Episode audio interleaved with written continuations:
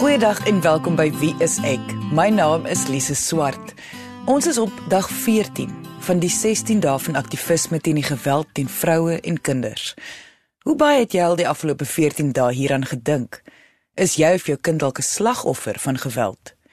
Wat is die emosionele effek wat geweld op 'n persoon op die lang duur kan hê? En natuurlik is sekerlik die heel belangrikste vraag: wat sê dit van ons samelewing dat die syfers van geweld teen vroue en kinders so hoog is? Al hierdie vrae en nog meer gaan ek vandag bespreek met wie is ek se drie hoofsielkundiges, Louis, Bram en Johannes. Hulle is al drie ervare sielkundiges in die behandeling van onder meer volwasse terapie, kinderdiagnose, trauma en verslawing. Gaan lees meer oor hulle onderskeie velde by wieisek.co.za.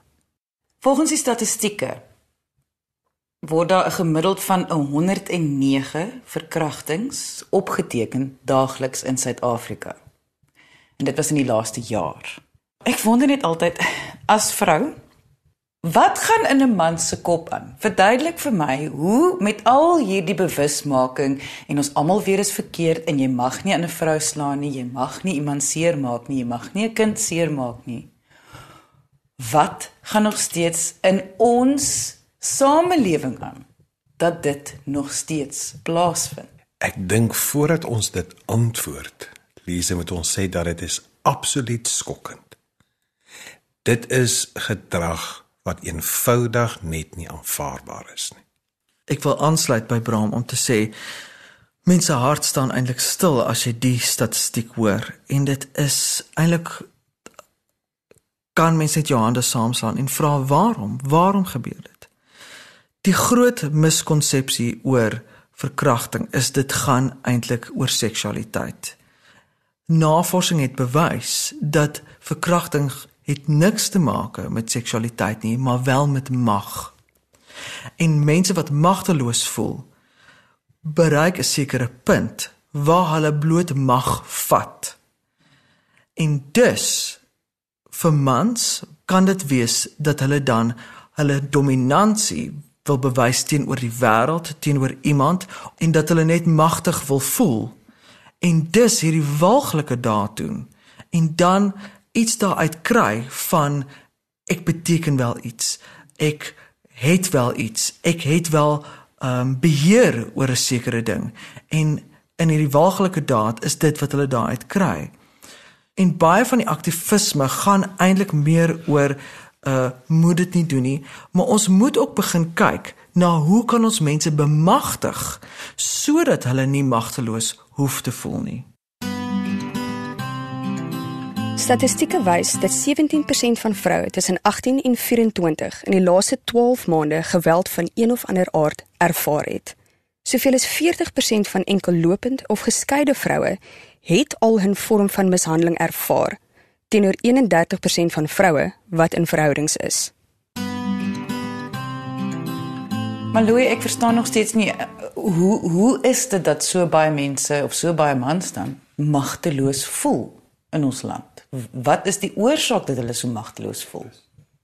Alhoewel ons weet dit is nie altyd maats nie. Ons nou onthou ons praat hier van geweld oor die algemeen teen vroue en kinders, waarvan verkrachting een van die meer ekstreme en mees onaanvaarbare forme is. Daar's baie ander vorms van mishandeling wat plaasvind. Maar dit word meestal deur mans gedoen. So 'n oop vraag is dit is of dit is oor die geslag en of dit bloot is omdat mans fisies sterker is as vrouens en as kinders. Ons praat dus hier in my kop van bully wat 'n menslike neiging is van die sterkere om die swakkere te onderdruk, te na te kom of seer te maak. So Louis wat jy eintlik sê is dat dit is amper die maklike manier om jou mag te kry is dat jy is natuurlik sterker as iemand anderste en dus is dit amper makliker om jou mag teenoor daai persoon wat swakker is, natuurlik swakker is af te dwing as wat dit is om regtig te kyk wat is dit wat by jou self pla? Wat is die krisis wat jy ervaar en daarmee self om te gaan? Dis net makliker. Wat gebeur in ons land op hierdie stadium? Daar's baie onsekerheid, daar's baie magteloosheid, daar's baie geweld, daar's baie frustrasie, daar's baie aggressie. En wat sien ons wat gebeur? Die land se inwoners boelie mekaar. Die sterker is boelie die swakker is. Dis dis 'n simptoom van wat in ons land aangaan en dis ook 'n simptoom van baie swak leierskap. So Louis, dis baie belangrik wat jy noem. Met ander woorde, daai rolmodelle is negatief wat die kind introjekteer. Met ander woorde, wat ja. die kind dan deel maak van homself om na homself en die wêreld te kyk. Ja, en dit gaan van ouers af reg deur van bo af ons rolmodelle in die land van ons leierskap heel van bo af na ons as ouers toe is verrot. Ek gesels vandag met WSX se drie hoofsielkundiges, Johannes, Braam en Louis, oor die emosionele effek wat geweld en trauma op 'n persoon op die lang duur kan hê.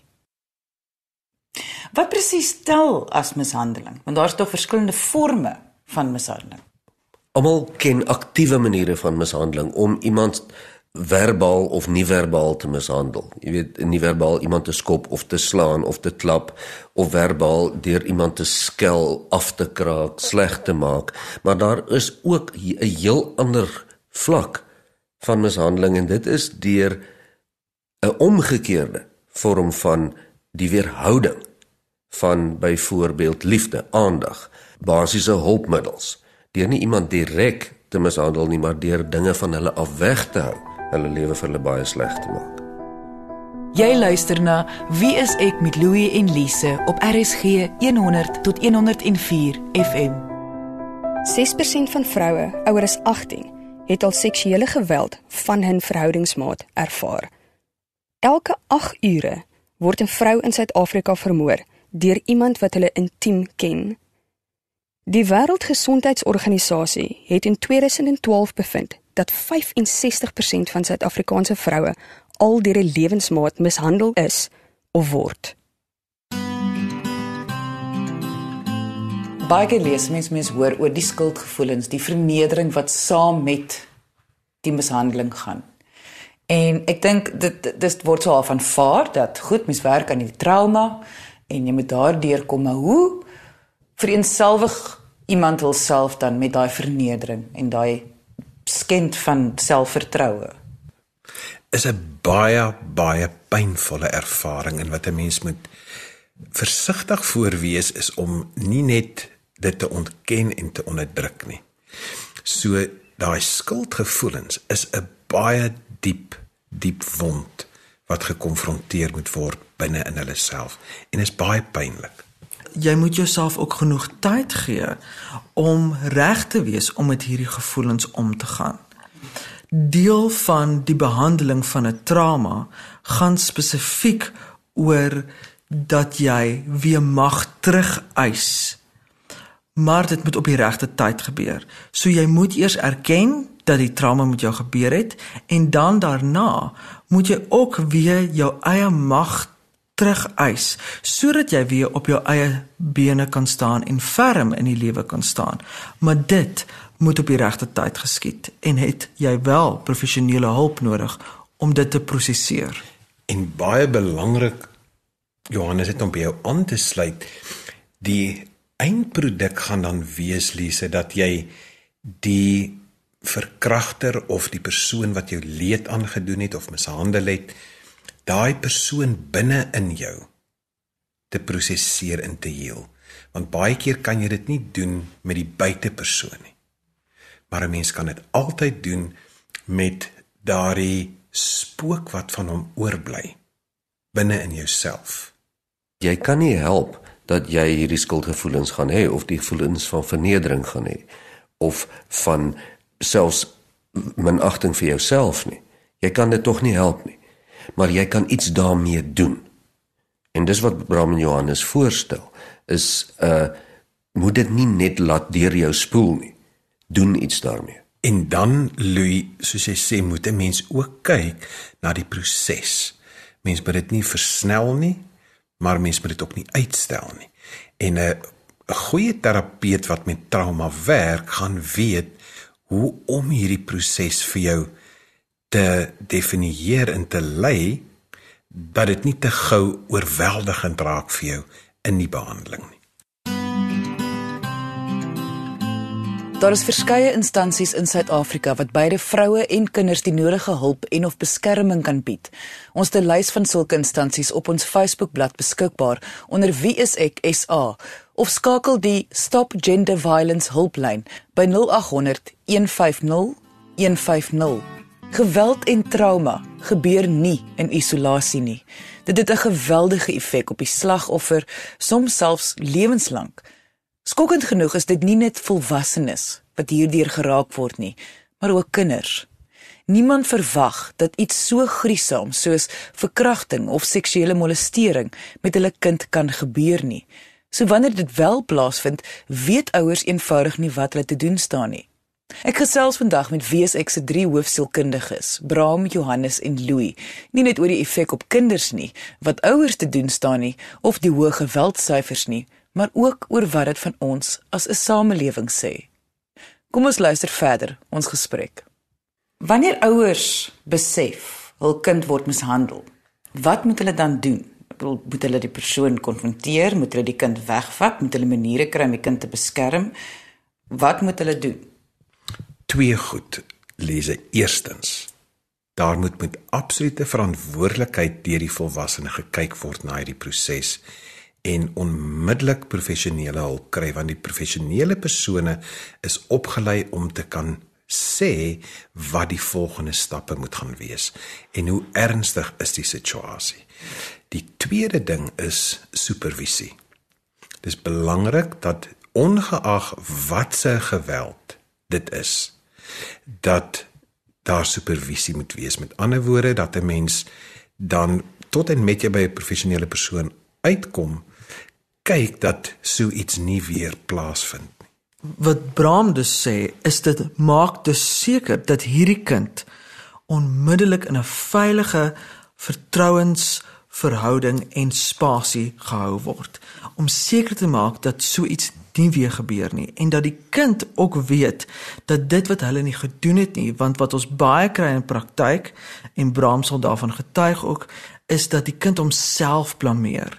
Dit is ook wat baie keer gebeur met dat mishandelare die situasie misbruik om 'n geheim te hou ehm um, dat die kind skuldig voel of voel of selfs verantwoordelik voel. En dis is dit baie belangrik dat daar dan supervisie gebeur wat die kind dan baie veilig laat voel en seker maak dat dit nie herhaal nie en hulle ook besef dit is nie hulle skuld nie. Ons kan dit nie oorgenoeg beklemtoon in Johannes dat veiligheid, veiligheid, veiligheid absoluut die bene is waarop enige aksie wat geneem moet word moet staan. Een uit 3 kinders in Suid-Afrika ervaar 'n tipe van seksuele of fisieke mishandeling voor die ouderdom van 18. Een uit 4 meisies sal gemolesteer word voordat hulle 18 word, teenoor 1 uit 6 seuns dit is dus baie duidelik dat dit eenvoudig nie verduur mag word nie. Ons as samelewing mag dus nie dit toelaat nie. Jy kan dit nie waarneem en dit selfs nog vir 'n rukkie laat aangaan nie. Dis juist wat nou wat ek graag hierse wil sê is dat ons praat nou so mooi dit is dan 'n ouer wat omgee genoeg om die kind te beskerm. Ek dink deel van hierdie probleem, ek dink wat ook deel van hierdie 16 dae van aktivisme eintlik moet wees, is die bewusmaking van ouers wat nie hulle kinders glo wanneer hulle vir hulle ouers probeer sê wat met hulle gebeur nie. En dit sien ons baie keer in praktyk. In Johannes sal saam met my stem hier dat wanneer jy baie met kinders werk, kry jy baie keer 'n verwysing waar hulle te lank gewag het omdat daar ontkenning is by die ouers. Ouers glo die kind nie. So dit is waar die rol van die skool en die rol van bure en die rol van vriende moet inkom. Is dat hierdie mense moet sulke ouers op 'n baie mooi manier konfronteer en sê, "Het jy al 'n plan gemaak?" Soos Bram reeds genoem het, veiligheid is van kardinale belang. Dus, al is dit in 'n oorreaksie, neem eerder stappe om jou kind veilig te hou, want nog niemand het gekla dat hulle te veilig was nie. Louis, jy wat oorwegend met volwassenes werk, kan jy net uh, vir ons vertel nou in juis hierdie geval wanneer ouers nie hul kinders glo nie en hierdie kind word dan 'n volwassene, watter effek het dit op hierdie kind se lewe. As jy as kind na jou ouer toe gaan wat jou enigste bron van veiligheid is en hulle kommunikeer aan jou dat hulle wil jou nie beskerm nie, want dis eintlik wat hulle vir jou sê of hulle dit bedoel of nie. Dan is daar vir jou niks meer oor in die lewe om aan vas te hou nie. Daar's geen veiligheid nie, daar's geen vastigheid nie. En is jy dus vir die res van jou tyd 'n slagoffer?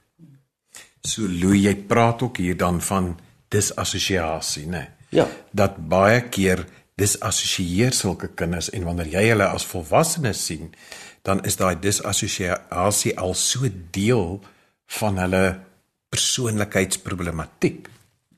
Dalk het om duidelikheid te gee oor dissosiasie. Dit is 'n byna 'n breek met realiteit. So wat iemand doen is hulle gaan dan in 'n in 'n spasie waar hulle eie veiligheid skep en dit het nie noodwendig te maak met die realiteit nie. So daar is dan 'n dissosiering van dit wat werklik is en dit wat hulle glo.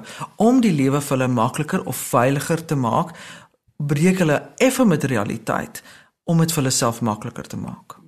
Indien jy nou eers ingeskakel het en graag die gesprek volledig wil luister, kan jy na RSG se webwerf gaan om die potgooi te luister. Gaan na rsg.co.za, klik op potgooi, kies wie is ek van die lysie wat verskaf word en luister na episode volgens die uitsaai datum of kort beskrywing. Jy luister na Wie is ek met Louie en Lise op RSG 100 tot 104 FM.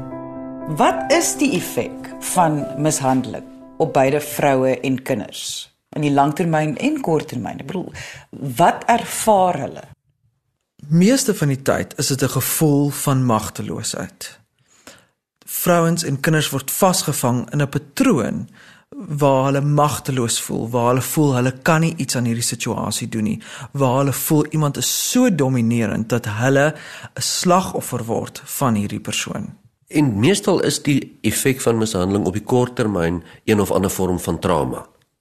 En op die lang termyn een of ander vorm van posttraumatiese stres. Dis natuurlik nie heeltemal so eenvoudig nie, maar kortliks is dit eintlik maar waarop dit neerkom. Baie keer as iemand 'n slagoffer word, is daar alreeds 'n patroon, 'n geskiedenis dat iewers in hulle kinderlewe hulle 'n slagoffer was. Kom ons kyk na 'n voorbeeld twee persone of ek en jy word blootgestel aan 'n traumatiese ervaring. Ek gaan byvoorbeeld baie dan gou in die slagoffer mentaliteit in. So daar moet alreeds in my blou druk iets wees van die slagoffer mentaliteit. Jy byvoorbeeld kan na 3 dae heeltemal oukei okay wees en jy gaan glad nie in daai mentaliteit nie. Dit wys dan vir ons dat daar in jou nie daai blou druk is om vinnig in hierdie mentaliteit in te gaan nie. Mense word nie gebore as 'n slagoffer nie. Jy word 'n slagoffer soos die tyd aangaan. Natuurlik is dit nie altyd so nie, maar as jy as volwassene in 'n erge slagofferrol vasgevang is, dan het jy al lankal geleer om 'n slagoffer te wees. Ek stem heeltemal saam met jou Louis en ek dink ons moet dit beklemtoon hier dat kinders kan geleer word met 'n direkte voorbeeld as hulle klein is om in hierdie slagofferrol in te gaan deur die voorbeeld van 'n ouer wat baie tipies in daai slagofferrol vasgevang is. 'n Ander manier is dat kinders geprogrammeer word deur 'n ouer om maar altyd die slagoffer te wees, die minste te wees. Uh draai jou ander wang ook. Moenie selfgeldend wees en opstaan vir jouself nie. Slagoffergedrag word baie keer versterk deur 'n ouer. Wanneer iemand amper hierdie slagofferhouding het, dan word gesien as as iemand wat baie oulik is. Sy is regtig nie iemand wat gaan lelik praat of iemand gaan teëgaan nie. Sy's altyd die minste. Sy's op haar plek en sy's regtig 'n voorbeeld vir almal. Dit kan ook wees dat 'n slagoffermentaliteit gaan oor oorlewing. So ons sê nie noodwendig dat dit 'n goed of 'n slegte ding is nie, maar soms gaan dit letterlik oor oorlewing. Dit is die beste manier wat die persoon op daai stadium vind vir hom of haarself om te oorleef in die moeilike situasie of in die trauma situasie. So dis nie 'n veroordeling dat mense sê iemand is in 'n slagoffer mentaliteit nie. Dit is net 'n observasie om te sê dit is hoe iemand omgaan met 'n sekere situasie of 'n trauma. So wat is julle laaste gedagtes of advies om te deel met vroue of die ouers van kinders van mishandeling? Ek kan nie genoeg klem lê daarop. Lise het dit net nou genoem dat die bewusmaking moet nog baie meer aandag aan gegee word. Dit kom nie by genoeg mense uit nie. Die bewusmaking is baie belangrik sodat mense proaktief kan begin werk. Die feit dat daar 16 dae van aktivisme nodig is, is skandalig op sigself.